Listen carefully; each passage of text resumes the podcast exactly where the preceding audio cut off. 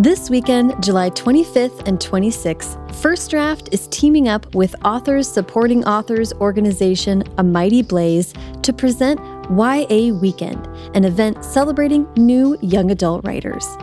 Join us for a slate of amazing panels to talk about queer love stories, writing grief and trauma in YA, political narratives, and international settings. I'll also be hosting two track changes panels where industry experts will weigh in and give us some behind the scenes perspective on publishing. Check out amightyblaze.com for more information and be sure to watch the event live this Saturday and Sunday, July 25th and 26th at facebook.com slash amightyblaze.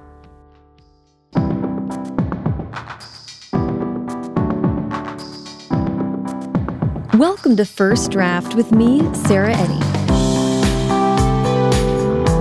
This week I'm talking to Hank Green, new media entrepreneur who got his start on YouTube, co hosting the Vlogbrothers channel with his brother, YA novelist John Green.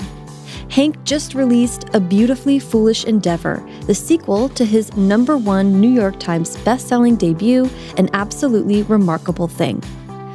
I really loved what Hank had to say about how his books are not YA, not adult, they're kind of digital native books.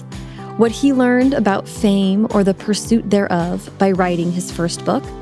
And he stokes the fires of my existential Facebook dread by talking about how we're all part time citizens of corporate autocracies online. Oh, God. Stick with it though. I was so excited to talk to Hank about all these things, and it was a really, really great conversation. Everything Hank and I talked about on today's episode can be found in the show notes. First Draft participates in affiliate programs, specifically bookshop.org. That means that when you shop through the links on firstdraftpod.com, it helps to support the show and indie bookstores at no additional cost to you. If you'd like to donate to First Draft, either on a one-time or monthly basis, you can do that at paypal.me slash firstdraftpod.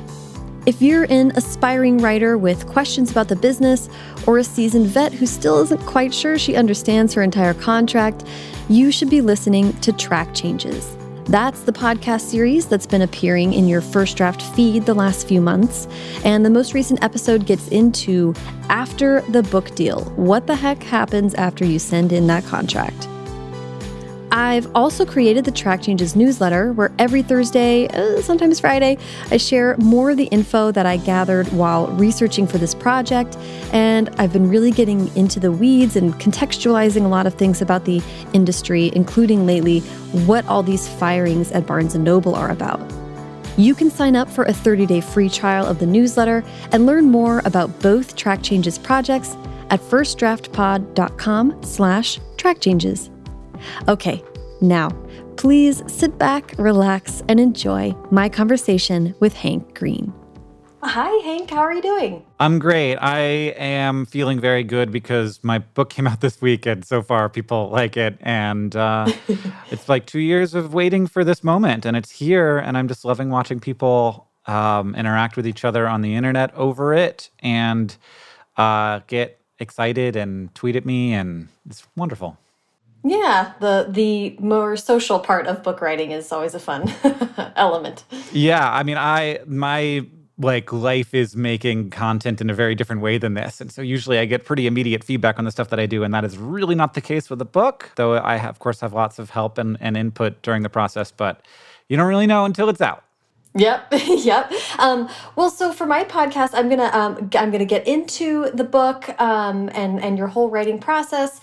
But for my podcast, I like to kind of get a little bit of background info. So I'm gonna go all the way back and ask, where were you born and raised? I was born in Birmingham, Alabama, but I lived there for two weeks before I moved to Orlando, Florida. Uh, before my my parents did or maybe two months or something like that. But basically, my, my mom's parents were in Birmingham, so that like they were there to uh, basically have the kid. And then I grew up in Orlando my whole life until I went to college. Orlando is is cooler now than it was then. Uh, still not that cool, and uh, but like a very sort of um, you know we we lived in the city. We didn't live in the suburbs, and we, you know, I, I guess uh, in in Orlando terms. Like there was a very busy street like a block away from us. Like it wasn't like you know, there's no like the city in Orlando, um, but like we had sort of a suburban like lifestyle, and uh, we had lots of kids in the neighborhood, and me and John grew up with you know pretty good little friend group of neighborhood kids, and you know ran rampant, and it was all all that good stuff. Yeah, I well, I want to ask specifically about reading and writing growing mm. up and how mm -hmm. that was a part of your life. I am a uh, I have a learning disability that interferes with sensory processing. So I was a slow learner to reading. I needed a lot of work on that. I still am a slow reader. I still read at like middle school level speed when I take reading tests, and I'm like, that's not that's not a problem. I'm fine. That doesn't hurt my feelings. And uh, it, it and it is fine. Obviously, I've I've managed fine with that. Um, so it took me a while to come to novels as a thing and like the assigned books i was never able to read in the assigned amount of time and that was a kind of a source of you know I, I didn't like talk to anybody about that i just assumed that i was a bad student or that i was procrastinating mm. or that i wasn't working as hard as everyone else um, and uh, it's and but but it, it gave me sort of this like sense that i wasn't that books weren't for me because like i couldn't finish lord of the flies in the amount of time that we had to finish Lord of the Flies. I don't understand why we had to read that book anyway. Uh, but I, I eventually, because I was a nerd, like I still was good in school, you know, and like the thing that nerds are supposed to do is read books. Eventually, I picked up Jurassic Park and I was like, oh, I can read this. Like, this is a big, yeah. long book and I can read this. And I, you know, there were other books that I'd loved, like Sideways Stories from Wayside School and uh, those sort of younger reader things. Uh, but that was the first novel that I read and felt very, very fun and very up my alley and very like, you know, maybe I could work on genetic engineering someday. And, um, you know, in, indeed, that is much the path that I took. And then I don't know how I came across it, but I read Kim Stanley Robinson's Mars trilogy, and those books are actually really dense mm. and long, and there's three of them. And they're really grown up and so that was like my first um my first like book series that was you know i don't want to say that michael crichton isn't literature um but you know what i mean yeah and uh, and those books continue to mean a lot to me. And Kim Stanley Robinson is still one of my favorite authors, and I will drop everything when he puts out a new book. And yeah, that that that was my sort of entree in many ways into fiction and science fiction, but also into like my career as a science journalist mm. and uh, uh, also at at various points an actual scientist. Yeah, yeah. Um, so the the challenge I have in interviewing you today is that we could spend an entire hour talking about everything besides a book. so I'm just going to I'm going to urge my listeners to ignore Google that. you. yeah, I'm going to say yeah. there's lots of other places where you can see Hank talk about a lot of other things, but I want to kind of keep an eye on on you expressing storytelling. Um, so I know it's kind of a broad swath, but I'd like for you to kind of lead me to to how you you've spent much of your career telling stories. As you said sometimes as a mm -hmm. science journalist sometimes as a youtuber as a podcaster uh, as a nonfiction mm -hmm. writer. But I, I i'd like to hear you kind of say like how your storytelling developed and what it was that led you to feel like there was a time there was a time for a book.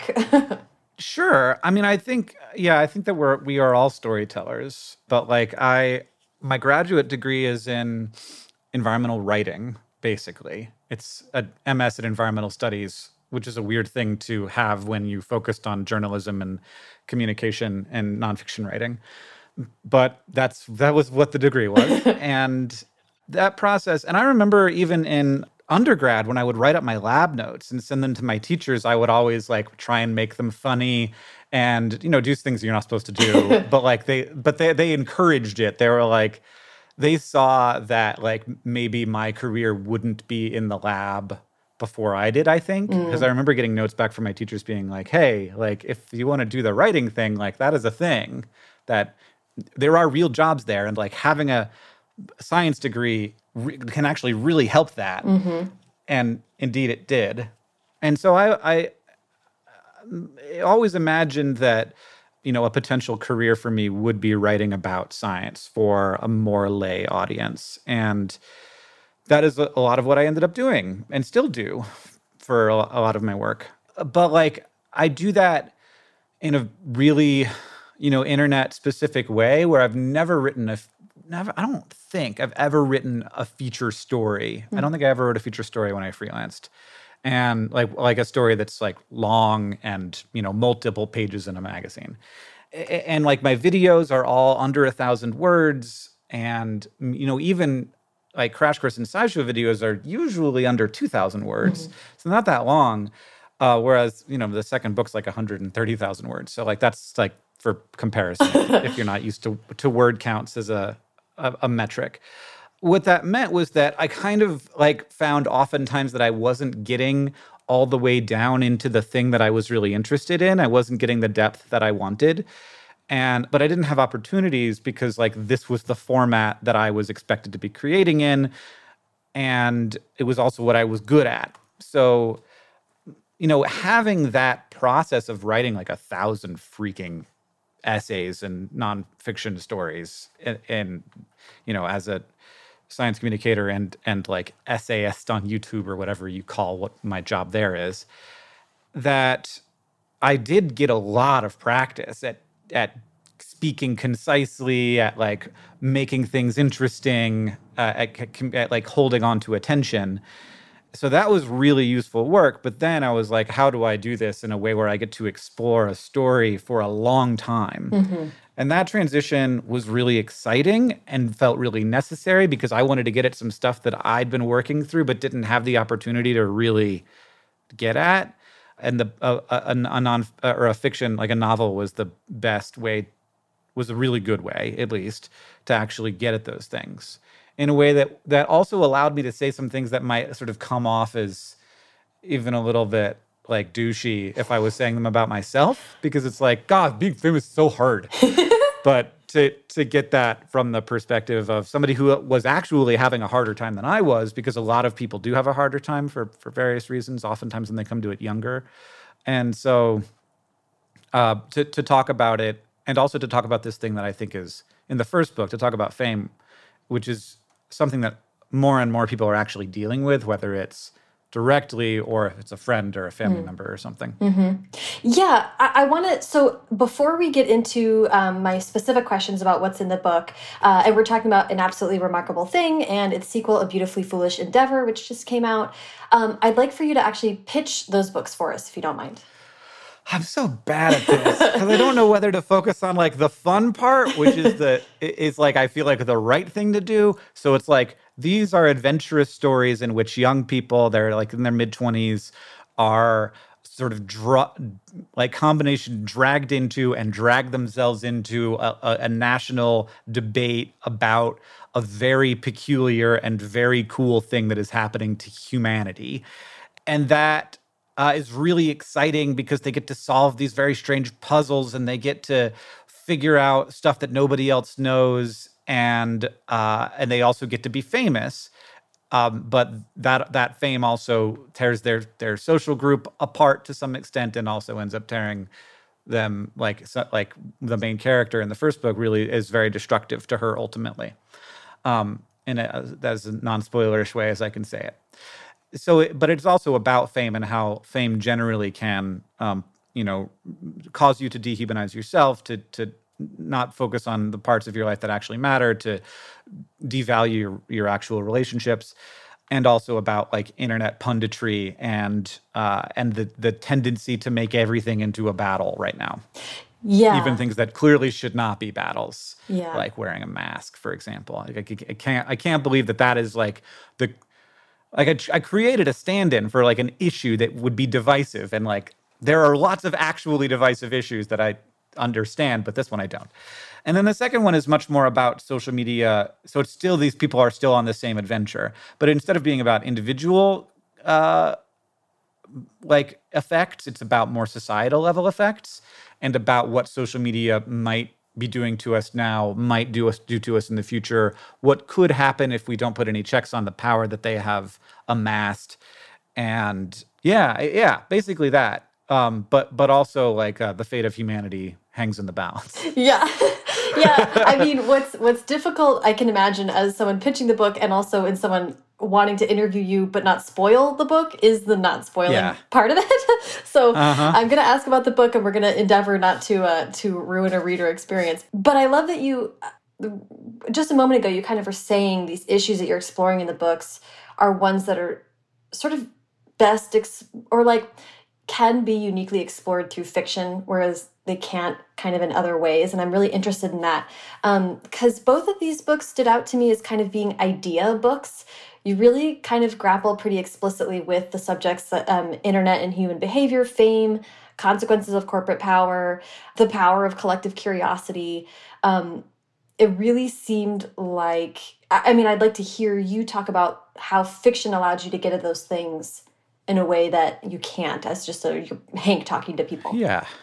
Well, I think there's there's a couple things there. Like one, you know, creating a really compelling narrative with with characters that people uh, that you like invite people to care about means that you can like you can you can mix it in there without it being all about that one thing. And and that's um you know i think that like writing like reading and writing a very long essay on internet fame would not reach the same size audience as reading a narrative that is really compelling and interesting and there's fight scenes and there's giant robots and stuff. Like that that uh I now now I feel like I've belittled the book. But don't worry, it's not a it's not a mecha anime. Um, also, don't worry, and also I don't want to disappoint anyone. Both of those things. um, and then there's the the other thing, which is that this is like something that science fiction has always been really good at, and like is uh, like I think is uniquely good at is that you could talk about the issues right, like things that are happening in the world right now, without having it be about the world right now, because we've all got very strong opinions about the world as it stands right now.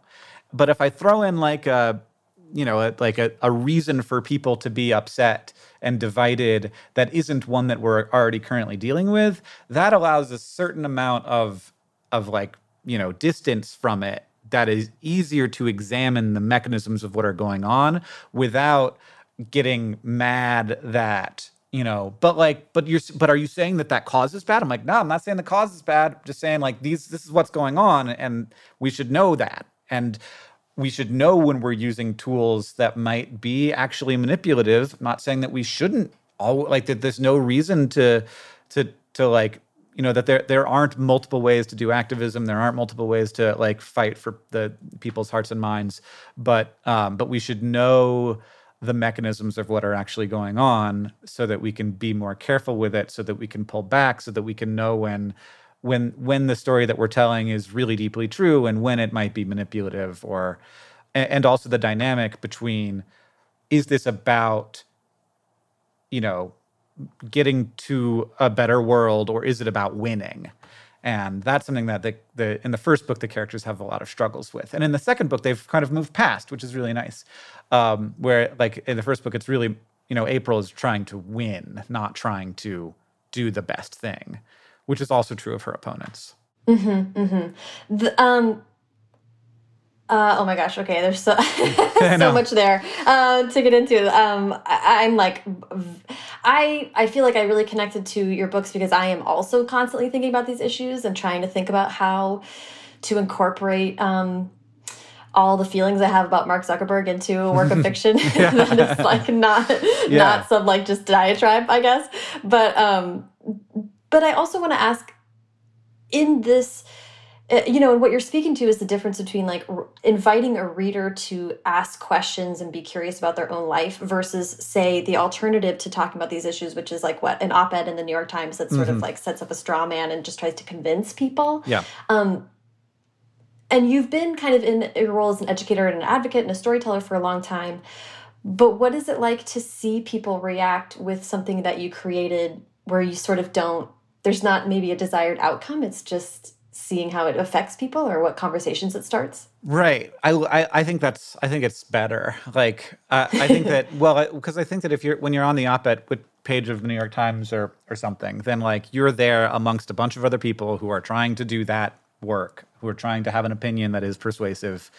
And and it's almost like that that exists the existence of all those other people in those spaces kind of belittles it and makes it like oh so this is what the space is for it's for convincing me of something. And i, I love op-eds. I love to write them. I don't get to that that often. And i also love to read them but i I like I'm much more interested in inspiring a conversation, and it's been really rewarding to see this book doing that, especially among uh, you know people in their teens and twenties.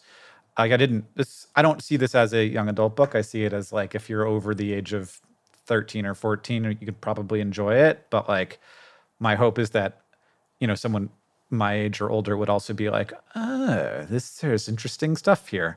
And it's not marketed as YA but like watching those conversations happen on TikTok, for example, where people are like, mm. "Oh, I'm thinking a lot more about like how I interact with this app," and I'm like, "Yay!"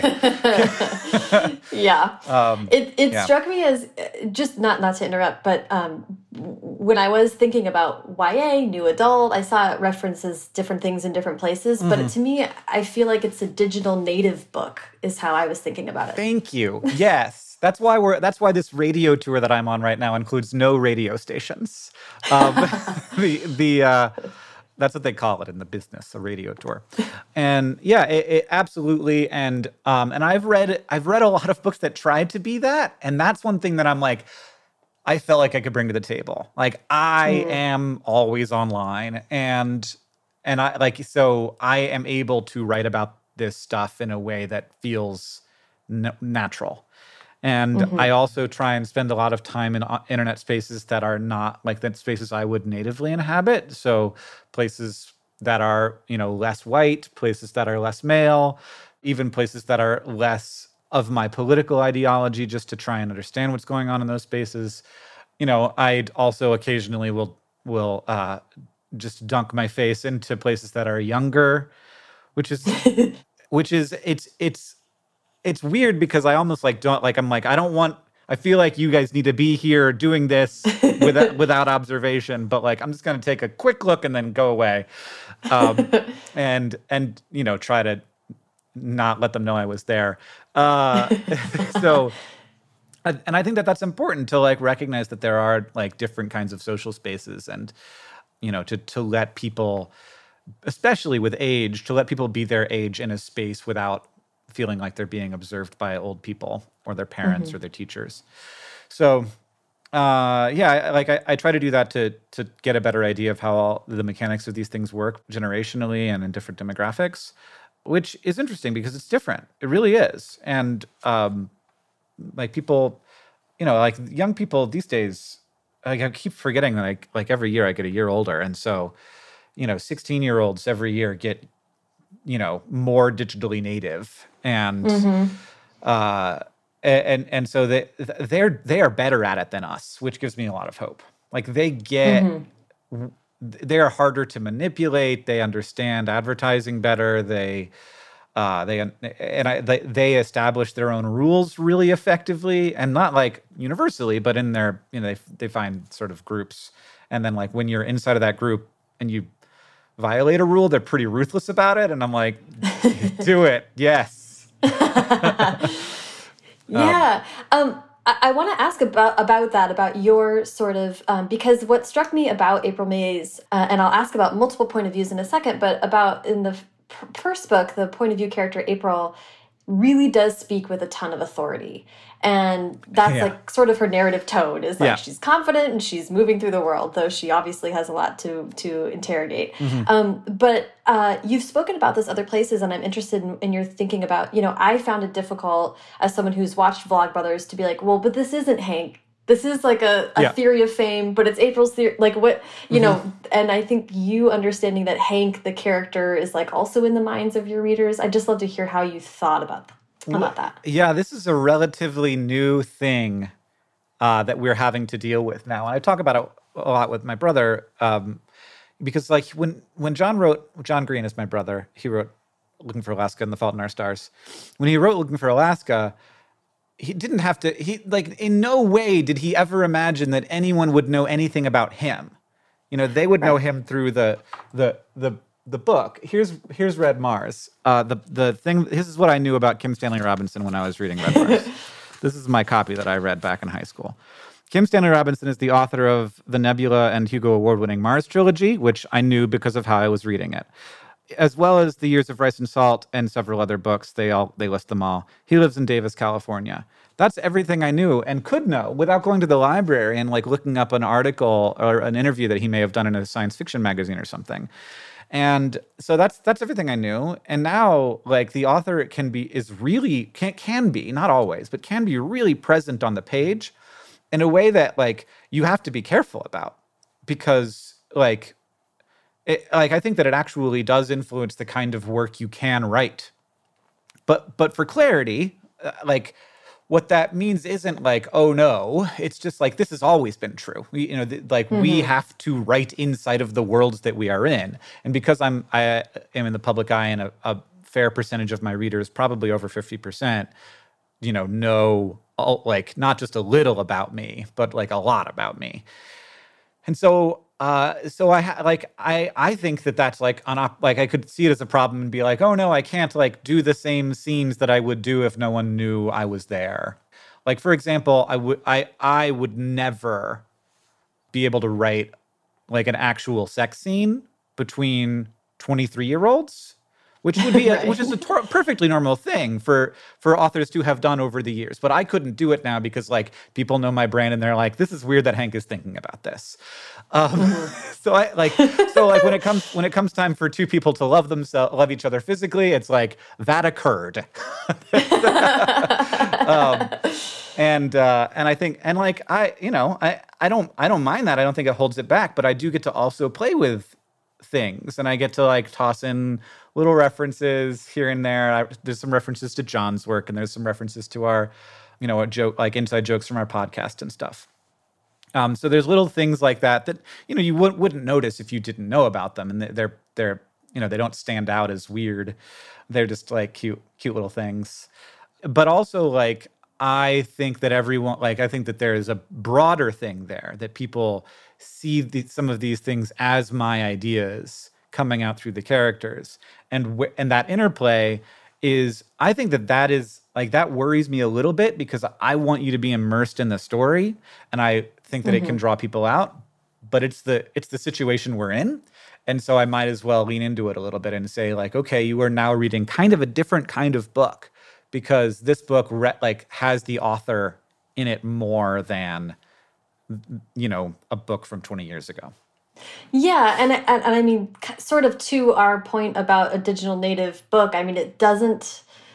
Um, I don't think it bothers me as a reader as much as it might someone who mm -hmm. is older or didn't. You know, like I'm so used to sort of understanding like uh, uh being loyal to an author for many more reasons than just their work, which mm -hmm. is mm-hmm. interesting. And I don't know if it's good or bad, but it's so it didn't bother me. But, yeah, it was something. I mean, that's I, a fascinating question. It's something that I think about a lot. But honestly, just talking about it right now helped me think about it more than I, I have. So thank you. Oh, well, I'm so happy. Um, the other thing is you sort of i mean it really that's what really struck me with april was that it felt like it was this sort of like channeling. April was such a fun character to be in and you got the chance through her i think to sort of like say these things really explicitly on the page. But i love that in a beautifully foolish endeavor you sort of blow it apart and you get the chance to explore all the different characters that we met in the mm -hmm. first mm-hmm. book. Yeah. That's also like wildly intimidating sounding to me. So what what how did you tackle that challenge? What was that like? Um it was very hard it was a little easier because I had gotten to know the characters fairly well in the first book. And so I didn't have to sort of create them from whole cloth. Like they had mm. backstories and I knew things about them. And I knew even things that, you know, like I had, they had some, some backstory that wasn't even in the book or still isn't in the books. And so I, like I had that to work from, but I had gotten so inside of April's voice and also, April's voice was so informed by my own voice, as we just talked about, mm-hmm. that, you know, I think that like actually creating f- four additional voices is, you know, not something that I like, like, uh, I can read it and be like, I know why I made these decisions. But at the same time, there's like so, so, like, you know, I'm not going to be as good at that as some authors. I think if we're like if we're looking for a weakness in the book, yeah, that, like I I feel like I could have. Well, I, I don't know if I could have, but I feel like there there could have been more work done to uh, to differentiate the different voices. Have you read There There by Tommy Orange? No, not yet. It has like I don't know, 25 point of view narrators, and they all have deeply different voices. And I'm just like, all right, well, I read that book while I was writing this book, and I was like, okay, well, I'm not going to be that good at this. and I think that that's like, that's fine to recognize and, and to know going in as a writer that like you have strengths and weaknesses. And and I'm I'm okay with it. Um, but but like what I did do to try and get better at that was I did a bunch of things. I would write the same scene from from everybody's perspective who was in the room and I would wow. see how I was doing it differently. And then I'd like mm. pick because you know this wasn't the case all the time, but sometimes three or four of the characters would be in the room at the same time, and so I'd write it from every person's perspective. And sometimes I had to do that because, or I'd have to rewrite it from a different perspective for a like a you know structural reason. Um, but and and once I did that once, I was like, oh, I could like try to do that and see how like see how this person imagines this this because it isn't just the voice it's also how they imagine the situation that they're in and mm-hmm. like how the, like what they're thinking about those other characters is different than what the characters are thinking or what that character thinks that person is thinking isn't the same as what they're actually thinking and uh, so so to like know that was extremely informative to the final draft uh, and also like really helped me understand the characters and their perspectives better even if like they're and I and, and but I also think that it like makes some amount of sense that their voices are somewhat similar because they are all following April and they're like this was the first book and like we aren't professional writers. So like we are now writing this memoir together and all of our voices are going to be to some extent informed by April's voice even if like Maya is more reserved and Miranda is more unsure than April. Like April's very like very confident narrator and Miranda isn't.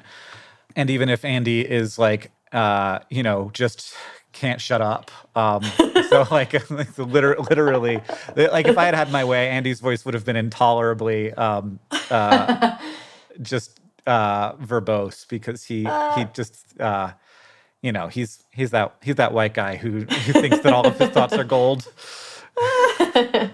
Uh, Andy was a very fun character. I, I, I enjoyed I enjoyed him.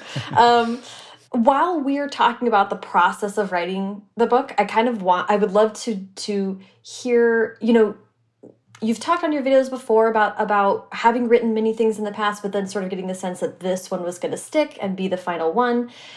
I'm interested in what it was like to move into the book space, given that you sort of intimately know that space because of your brother and his success. Mm -hmm.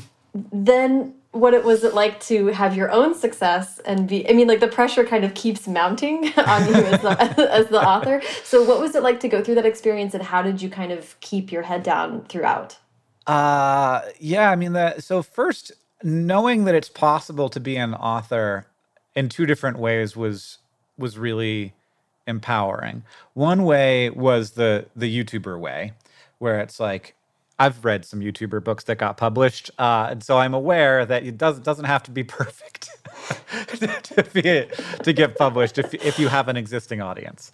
Um, there are a lot. There are good YouTuber books. Uh, there are also bad ones, and uh, so so like there, that possibility was there, and so I knew that if I if I wrote something, it, that I would be able to it would be able to be published. There was the other part though that was like I knew authors. I knew my brother obviously, but I also knew authors who were, you know, less successful than John. Um, and who sort of do this as a job and get paid like job amounts for it, which mm-hmm. is the vast majority of authors get paid like, you know, the amount of money that normal people get paid. and uh, and seeing that they're like that they are normal people and they work. They work.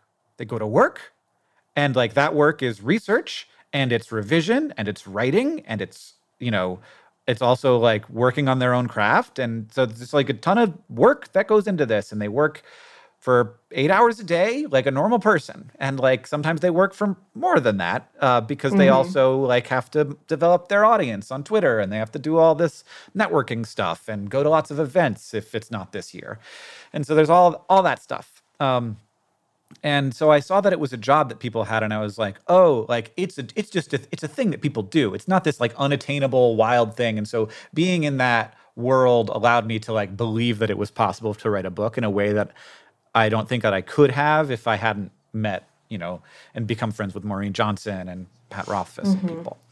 So, and uh, and then there's the uh, the the second part of your question, which I've forgotten. Do you remember what it was? Oh yeah, I do. it, well, I'm really actually, since this is the second book, and and I think you oh, got yeah, the chance yeah. to talk about Gene being John's brother plenty. I'm interested in how you. Then it's a whole different thing that you know you the first um a, a, an absolutely remarkable thing debuted number one on the New York Times bestseller list. So now mm -hmm. you're being compared to yourself or your past self, yeah. which is an entirely different creature.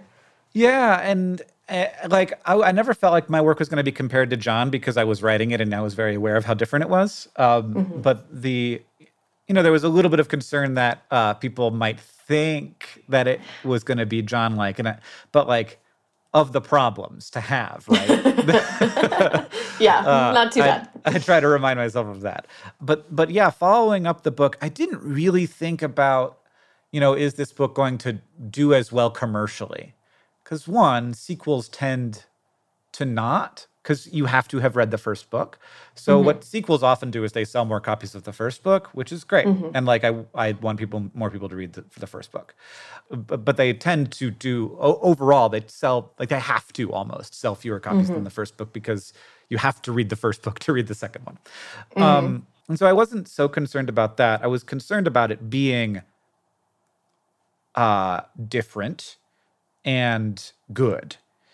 And so I didn't want to I I didn't want to do something as so there's a the, the format of the first book that like the structure is is simple. It is a a fictional like uh, what's it called? Like autobiography, basically. So a fictional mm-hmm. memoir.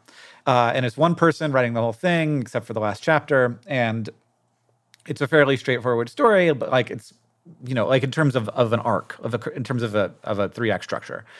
The second one is not that.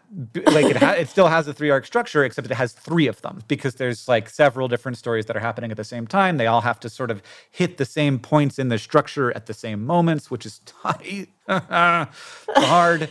And and like the, and you have to like you know take the energy from one one narrator and pull it into this a, a different story that is in a totally different place like but it should eh, you know eh, like physically different place but it should have some of the same same sensations as the where the mm-hmm. other story is. So like all that stuff is much harder. And so it was it was like that stuff that i was like i'm going to to set out myself a harder task because i want to prove that i can do something more difficult than the first book and to some extent, it was about proving it. But if it was just about proving it, I would have abandoned it because it also turned out to be the right structure for the book and the right mm-hmm. structure for the story and sort of very necessary and needed.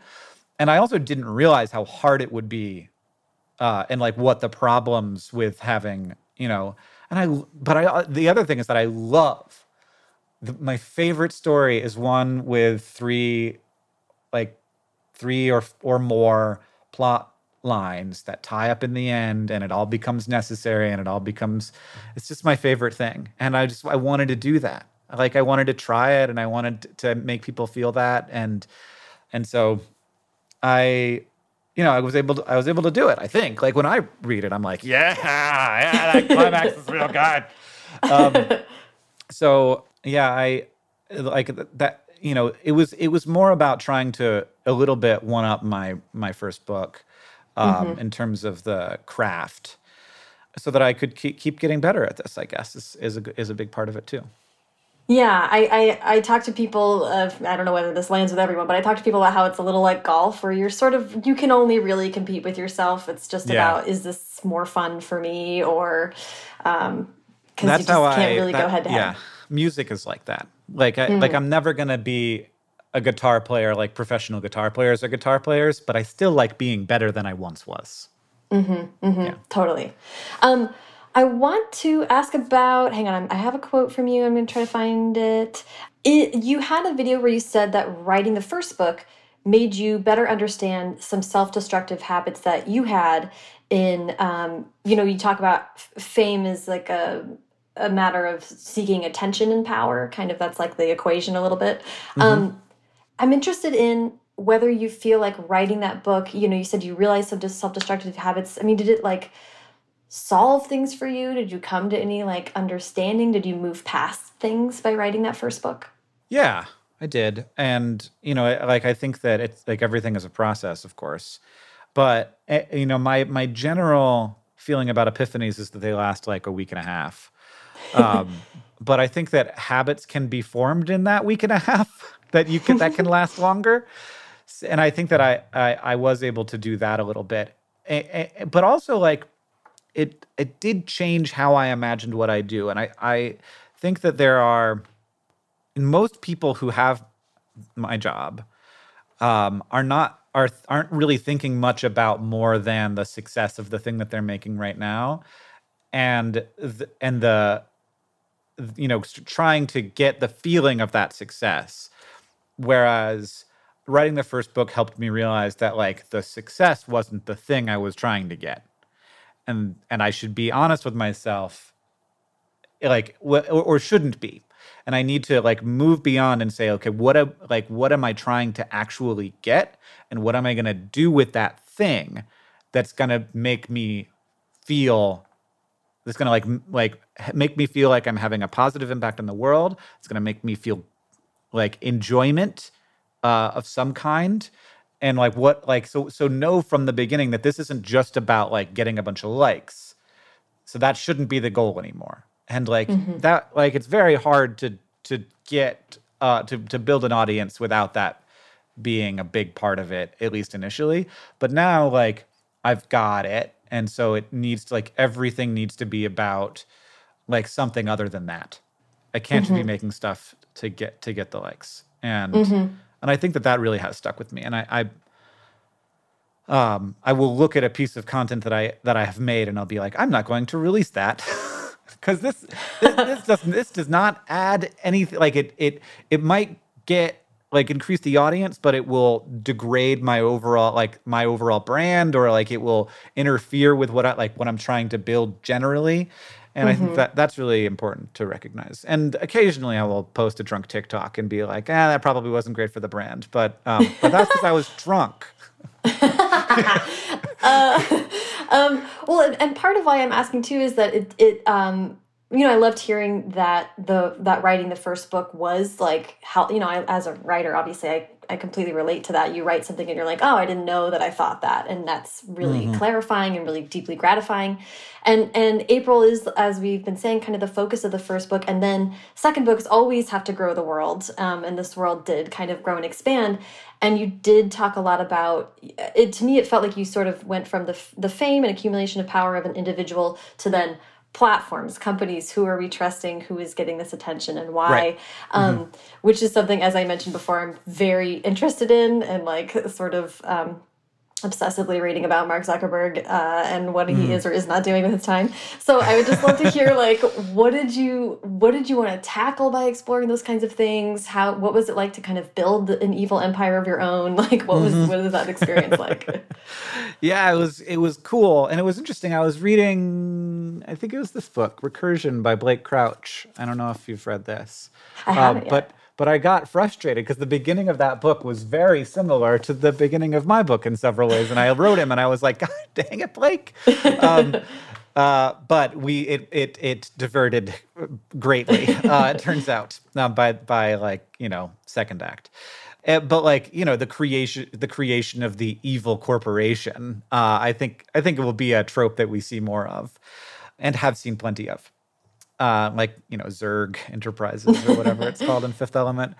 So that was that was fun and interesting and like and like sort of an extension, like extending the the the Silicon Valley philosophy of like you know regulation really stands in the way of of progress and we should just let people choose and you know what that really means is that we let the powerful people choose uh, and let the marginalized people uh, clean up so so there was that but then there was the part where i was actually trying to think about what social media platforms could become if their power is left unchecked for 20 or 50 years. Mm-hmm. and their you know their systems get very good at figuring out how to satisfy people or the opposite of that figure out how to weaponize people. And and not just sort of like letting people use the platform to do that but the platform who has all of this data all of this understanding. And like right now we aren't great at, at like synthesizing that data into like perfect understanding but we're getting better at it because that's what advertisers are buying when they engage with these platforms. But i think we're at right at the beginning of that. I think they will get way better at it and that's like should be legitimately scary to people.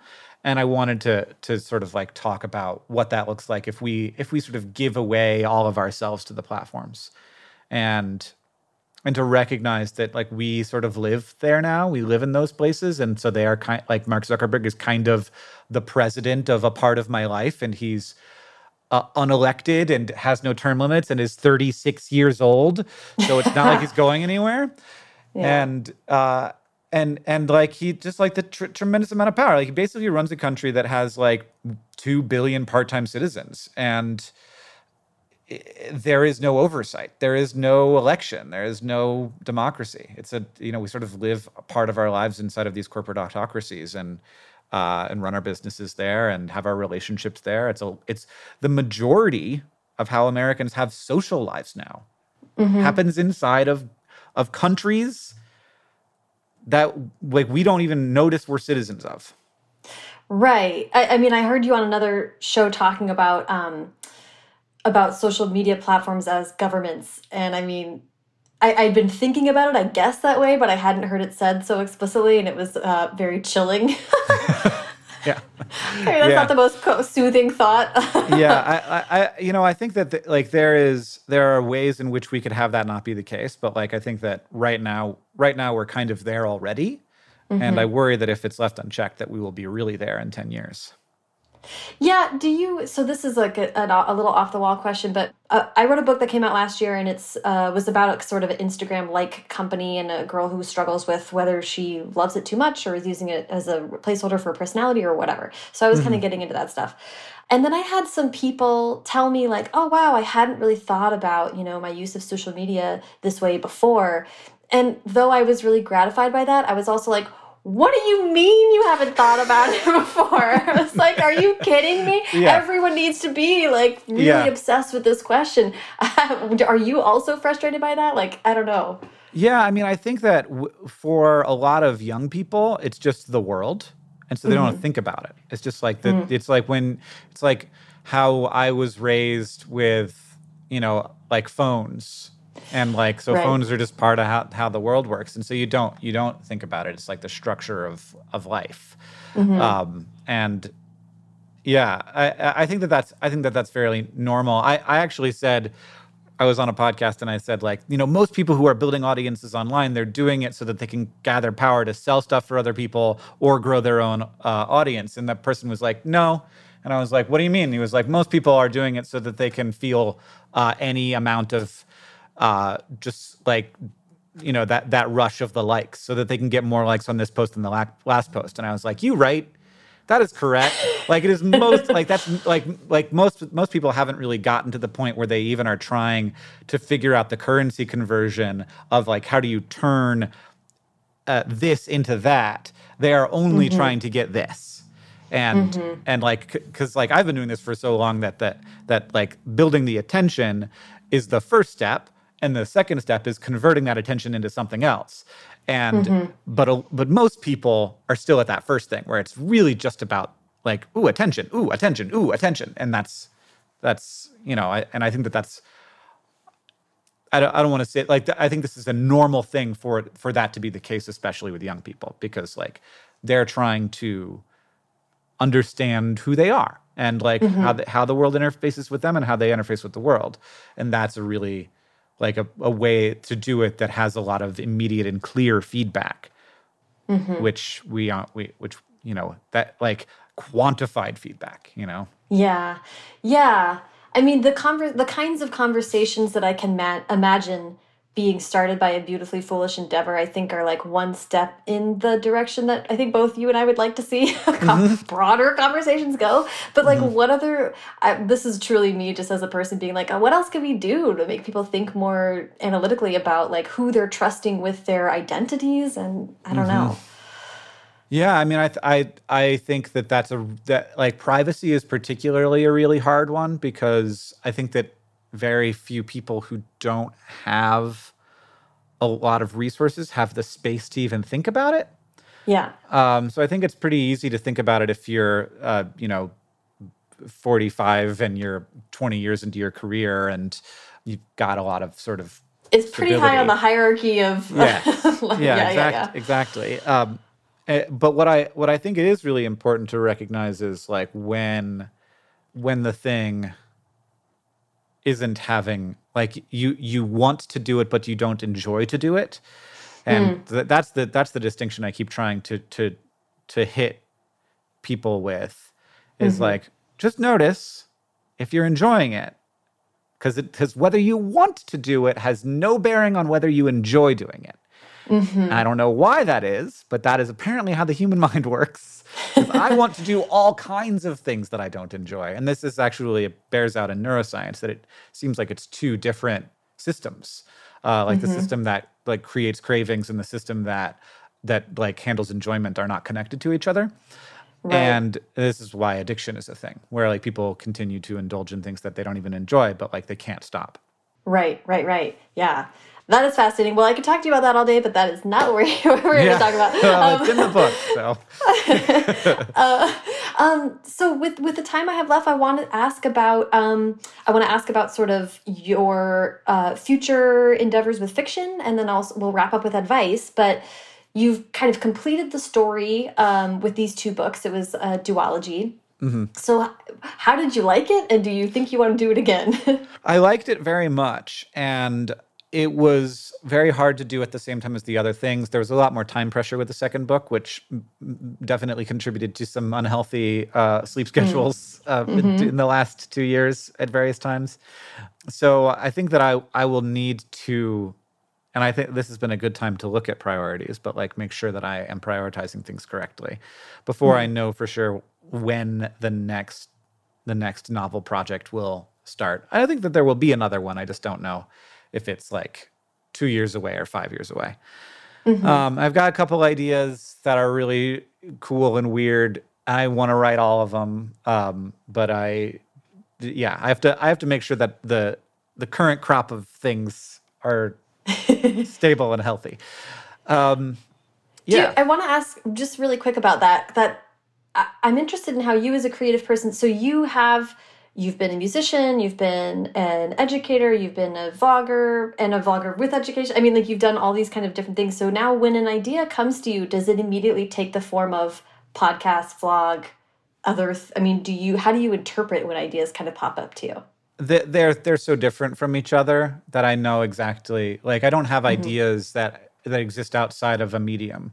So mm -hmm. like, yeah, the, the, the the book ideas make no sense as anything else, and the podcast ideas make no sense as anything else. And right now, the you know, I also run a physical merchandising company, and that mm -hmm. that's mm-hmm. something that I I've got an idea there that needs to take precedence right now because it's in part uh, to help raise money for our project in Sierra Leone, um, and it's become it's weird. This is weird.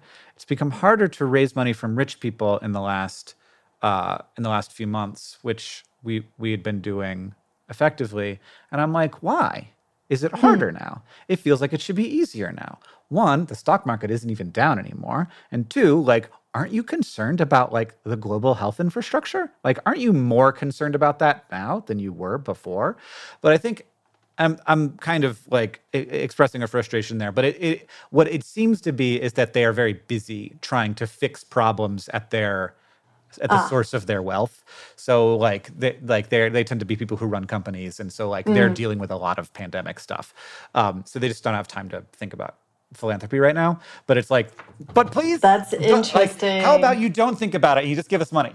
Like you don't. Yeah. Like, why, why do I have to have a bunch of calls with you? Just give me money. So I also okay, and again we're a little bit off topic, but I but this was something I that that I made a note of in your sort of meditations on fame and in this project, is somewhat related to that. Like the last few months have not been like super kind to celebrities. Like a lot of celebrities have gotten yeah. tripped up and I Yeah. think there's been a lot of shift in how people think about uh, selfies in huge mansions right now.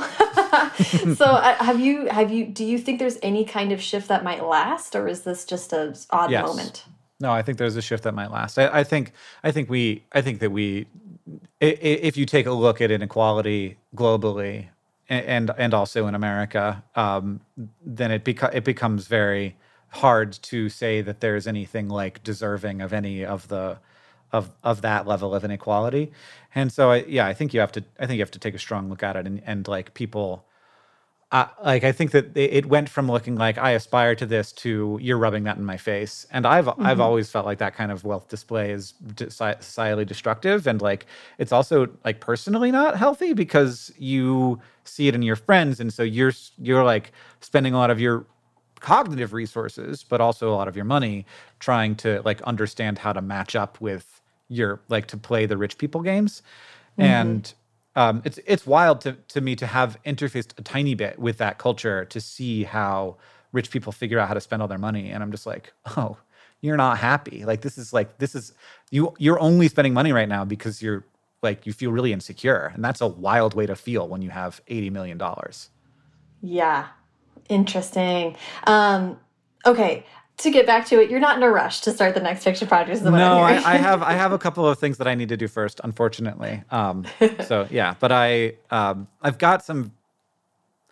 It's it's also very difficult for me to think that I I will be able to write a next book that won't be even harder to write than this one, um, because I.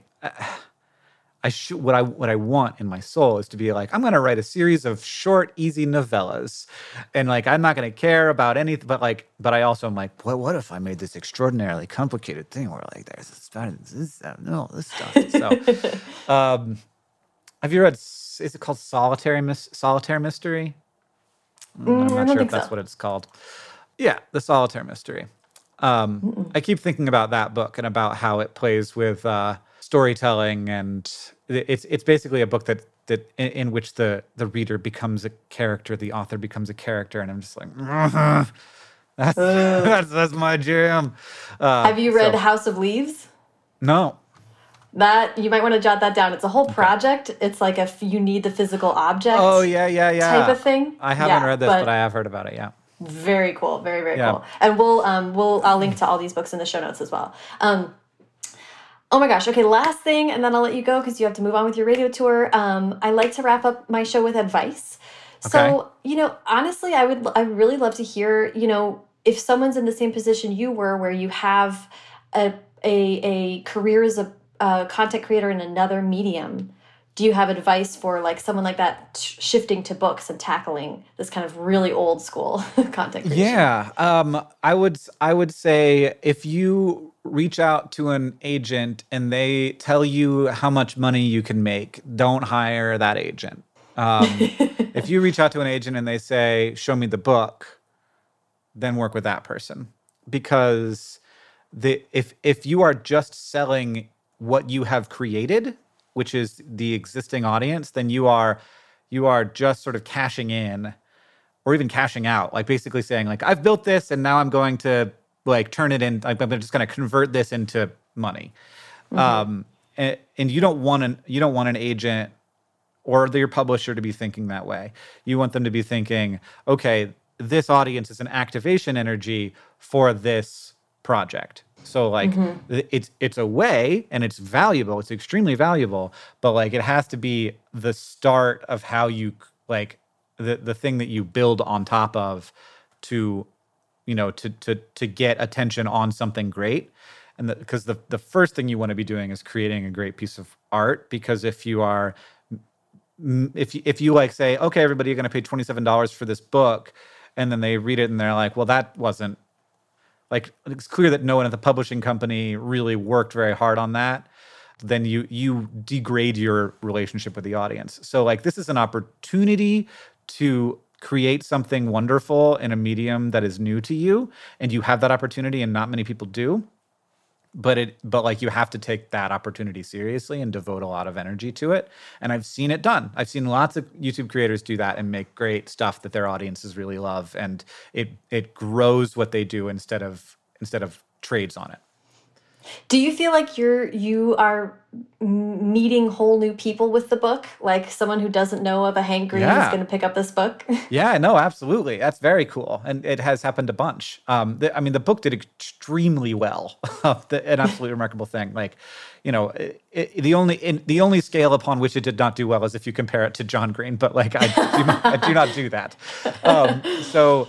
So, so yeah, it reached it, it. You know, like our average our average YouTube video gets viewed by fewer people than who read that book, mm. which is wild. Um, and that's a, that's you know that's a, in part a testament to like the great work that the people at Dutton did to get it in front of people, and the work that booksellers have done who love the book. And so, uh, yeah, but like definitely lots of people who read it don't know who I am, which is really great. Yeah, it's really cool. um, it's been such a pleasure to talk to you today, Hank. I really appreciate all your time this morning, um, and good luck with the rest of, of your tour. And thanks for for the great books. I really really enjoyed them. Yeah, thank you so much. Thank you so much to Hank. He is on Twitter and Instagram at Hank Green, and he's pretty much everywhere else too. You can find links to all his stuff at hankgreen.com. You can follow me on Twitter and Instagram at Sarah Enni and the show at First Draft Pod. Today's show was brought to you by this weekend's A Mighty Blaze YA Weekend. You can get more information on that at amightyblaze.com and be sure to tune in this Saturday and Sunday, July 25th and 26th at facebook.com slash amightyblaze to watch everything live. Yes, Facebook is a terrifying hellscape, but it also has some good stuff, and this is one of those good stuffs. A quick and easy way you can support First Draft is to subscribe to the podcast wherever you're listening right now. And if you have a couple minutes, log on to Apple Podcasts and leave a rating and review. Um, it really helps the show. It disproportionately helps the show given how quick and easy it is to do. So I would super, super appreciate it. Finally, if you have any writing or creativity questions that me and a future guest can answer in an upcoming mailbag episode, call and leave that question at First Draft's voicemail. That's at 818 533 1998. Or you can record yourself asking the question and mail that voice file to me at mailbag at firstdraftpod.com.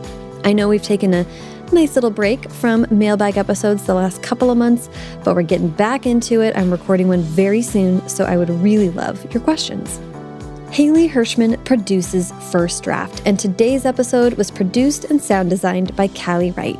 The theme music is by Dan Bailey, and the logo was designed by Colin Keith.